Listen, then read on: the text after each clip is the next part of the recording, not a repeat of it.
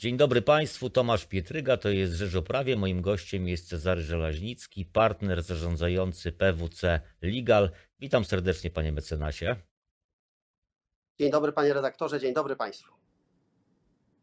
Panie mecenasie, y, kancelaria PWC Legal została uznana za najbardziej innowacyjną kancelarię w rankingu Rzeczpospolitej. Proszę powiedzieć, na czym ta innowacyjność w organizacji, w działaniu kancelarii, na czym to polega? E, No, przede wszystkim bardzo dziękujemy za, za to wyróżnienie i gratuluję też innym wyróżnionym kancelariom. E, No, a jeśli mowa o innowacyjności, to ja myślę, że tę innowacyjność można e, postrzegać na kilku co najmniej płaszczyznach w działalności kancelarii i, i ta najbardziej oczywista według mnie to, to ta płaszczyzna e, sposobu świadczenia usług prawnych. E, Ja za innowacyjne uważam te kancelarie, które stosują najnowocześniejsze technologie i, i, i narzędzia legal tech. One pozwalają na automatyzację zarówno procesu tworzenia dokumentów, ale też duże, analizy dużej ilości dokumentów.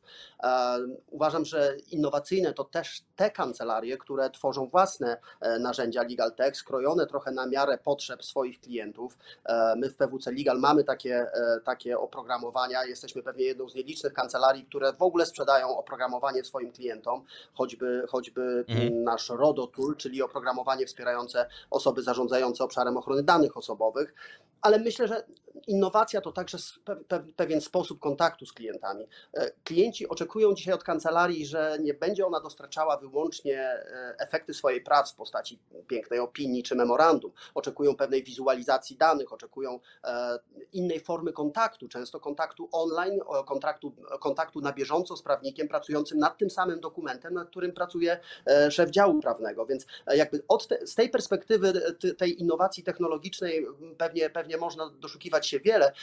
Innowacyjne to też te kancelarie, które, e, które rozwijają nowe dziedziny prawa. Wiemy Mhm. wszyscy, że, że duże wdrożenia technologiczne, które stoją przed różnymi podmiotami, e, na przykład bankami, przejście do, do chmury obliczeniowej, e, to są projekty, które wymagają od prawników no nie tylko wiedzy e, cywilistycznej, nie tylko pra- prawnik musi przygotowując umowę, zabezpieczając interesy klienta, dobrze rozumieć technologię, którą będzie wdrażał dany dostawca, dobrze rozumieć potencjalne ryzyka, które, które w, tak, w toku takiego wdrożenia mogą się pojawić i, i, i staramy się tego rodzaju ekspertyzę w PWC Legal również rozwijać. A co by Pan poradził kancelariom, no, które nie są jeszcze no, tak innowacyjne, które no, myślą o tym, żeby te innowacje wprowadzić? Co one powinny w pierwszej kolejności zrobić? Czy raczej nastawić się na zmiany organizacyjne, czy raczej szukać, e, wdrażać jakieś konkretne rozwiązania, produkty technologiczne? Ja myślę, że to, co jest najważniejsze w każdej kancelarii, jakby największym kapitałem, który posiadamy, nie są ani komputery, ani broń Boże kodeksy stojące na półkach, które dezaktualizują się z dnia na dzień. Największym kapitałem każdej kancelarii są, są ludzie, którzy w niej pracują. E, No i to ludzie decydują o tym, jak będzie, na ile innowacyjna, na ile otwarta na zmiany będzie ta kancelaria. E, Stąd według mnie jeśli miałbym pokusić się o jakąkolwiek radę, to, e, to, to wydaje mi się, że tworzenie pewnej e, kultury organizacyjnej, tworzenie kultury, e, w której e, prawnicy nie boją się e, kwestionować dotychczasowego status quo, nie boją się, e, bo, bo, nie ma, bo, bo, bo, bo wiedzą, że, że pomysły, które zgłaszają, będą, e, będą e, uwzględnione i, i będą na pewno przynajmniej przeanalizowane. Ja staram się, abyśmy w naszej kancelarii działali w sposób trochę mniej hierarchiczny, abyśmy nie mieli sztucznego dystansu e, i bardzo mocno wsłuchuję się w głos e, tych osób, które, e, które proponują jakieś kreatywne pomysły i innowacje. I przypomina mi się tutaj pan profesor Sowiński, który, mm, który w swoim raporcie mm, z badania rynku prawnego w Polsce, on stwierdził, że, mm, że największą barierą do wdrażania technologii w kancelariach prawniczych są sami prawnicy. No i staram się nie być takim prawnikiem, staram się, abyśmy my w kancelarii promowali osoby kreatywne i innowacyjne i taką kulturę organizacyjną staramy się e, posiadać. E, Panie mecenasie, porozmawiajmy o innym wyzwaniu, e, które stoi teraz przed kancelariami. Kolejny miesiąc jesteśmy w trakcie pandemii, która, no jak pokazują ostatnie dane, ona się nie kończy, a być może ciągle rozwija.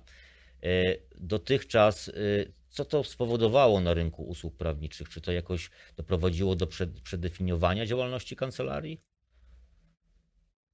Ja myślę, że ta sytuacja związana z pandemią, no ona była źródłem ogromnego niepokoju nas wszystkich, prawników e, i, i ten zasadniczy niepokój, e, który, który się pojawił na, w marcu, to, to przede wszystkim lęk o, o bezpieczeństwo naszych prawników, ale też klientów, którzy mają z tymi e, prawnikami kontakt, no i jednocześnie obawa, czy będziemy mogli kontynuować projekty, czy będziemy mogli prowadzić naszą, naszą działalność. Myślę, że te ostatnie miesiące pokazały, że, że jesteśmy w stanie e, przejść do takiej kultury elastycznej pracy, do pracy zdalnej. E, ja bardzo się cieszę, że, że już kilka lat temu w PWC wprowadziliśmy e, takie rozwiązania infrastrukturalne, które pozwoliły nam na to, aby, aby organizować wirtualne spotkania, aby pracować zdalnie, pracować na tym samym dokumencie w kilka osób z różnych lokalizacji. Więc myślę, że myślę, że zasadnicza obawa, jaką, jaką mieliśmy na początku marca, to ta obawa o przejście do trybu pracy pracy zdalnej. Ta obawa, która teraz rysuje się i która pewnie jest e, typowa nie tylko dla, e, dla rynku usług prawniczych, ale w ogóle dla, która, która jest jakimś powodem do obaw nas wszystkich, to, to obawa o, o to, jak, e, jakie będą długofalowe konsekwencje pandemii, jak, jak Mhm. ta pandemia wpłynie na, na, na naszą gospodarkę, bo z całą pewnością praca w kancelarii, jakby prawnicy i ilość projektów, które, które realizujemy są barometrem tego, jak, jak dobrze dzieje się w gospodarce. Póki co mm, i odpukać, póki co No właśnie. e, Mhm. nie widzimy, nie widzimy powodów e, do, szczególnego narzekania. Wydaje mi się, że bardzo ważne jest to, aby mieć dość zdywersyfikowane projekt, e, portfolio projektów. Z całą pewnością projekty transakcyjne na chwilę się zatrzymały, bo wszyscy jakby transakcje nie lubią stanu niepewności. Natomiast widzimy już dzisiaj, że te transakcje powoli wracają.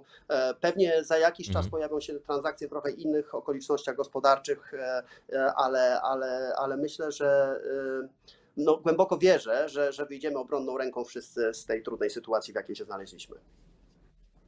Czyli te ostatnie miesiące pandemii, one nie zaszkodziły kancelariom e, prawniczym, branży. Pytam, pytam o całą branżę już. Czy ta branża jest e, cały czas sobie radzi, jest stabilna, pana, pana ocenie?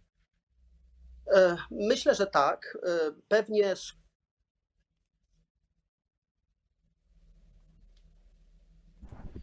To powtórzymy pytanie, dobrze? Przerwało połączenie. Dobrze. Już nam przywróciło, poproszę jeszcze raz pytanie. Tylko nie mamy teraz Dobrze. pana Cezarego dźwięku. Ale znowu coś się stało? Pan Cezary się łączy przez telefon, także prawdopodobnie ktoś do niego zadzwonił i e, jak tylko się tam e, Dobrze. rozwiąże ten problem, to wrócimy do tego pytania. Dobrze, dobrze.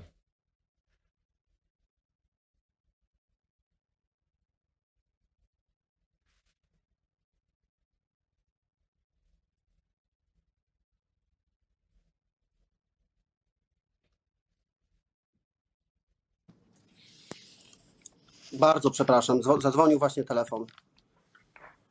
Nic się nie dzieje. Okej. To możemy dalej.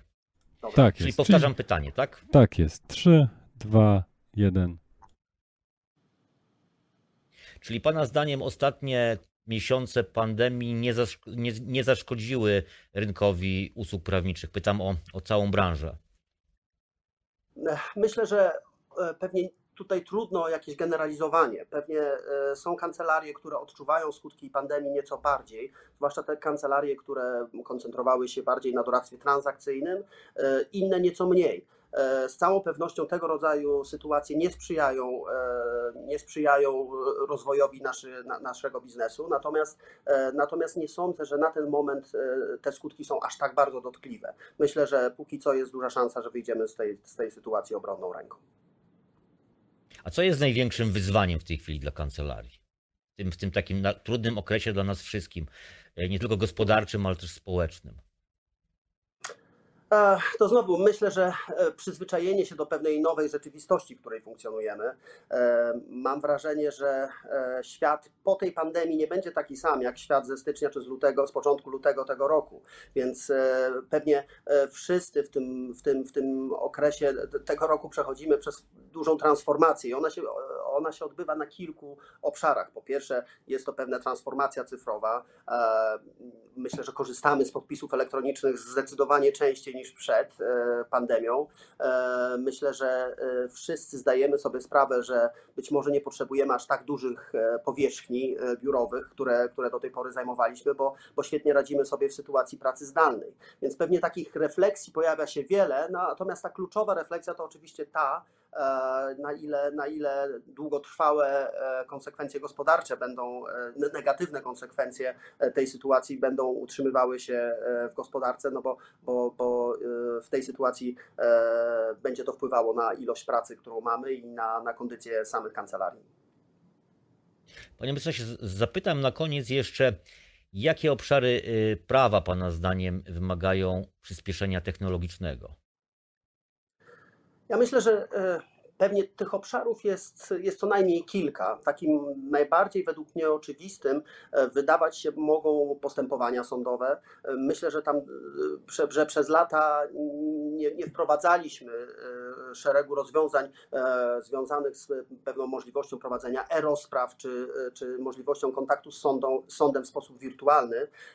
I oczywiście mam świadomość, że mówimy o bardzo delikatnej materii, nie wyobrażam sobie tego rodzaju konstrukcji w postępowaniu karnym, ale w przypadku postępowań, w których mamy do czynienia z profesjonalnymi uczestnikami, e, którzy są w stanie e, pojawić się na rozprawie, czy, czy mają stosowną infrastrukturę, aby, aby w takiej rozprawie wziąć udział, wyobrażam sobie, że, że, że bardzo mogłoby to korzystnie wpłynąć na tempo postępowań, na, na, na, na sytuację stron.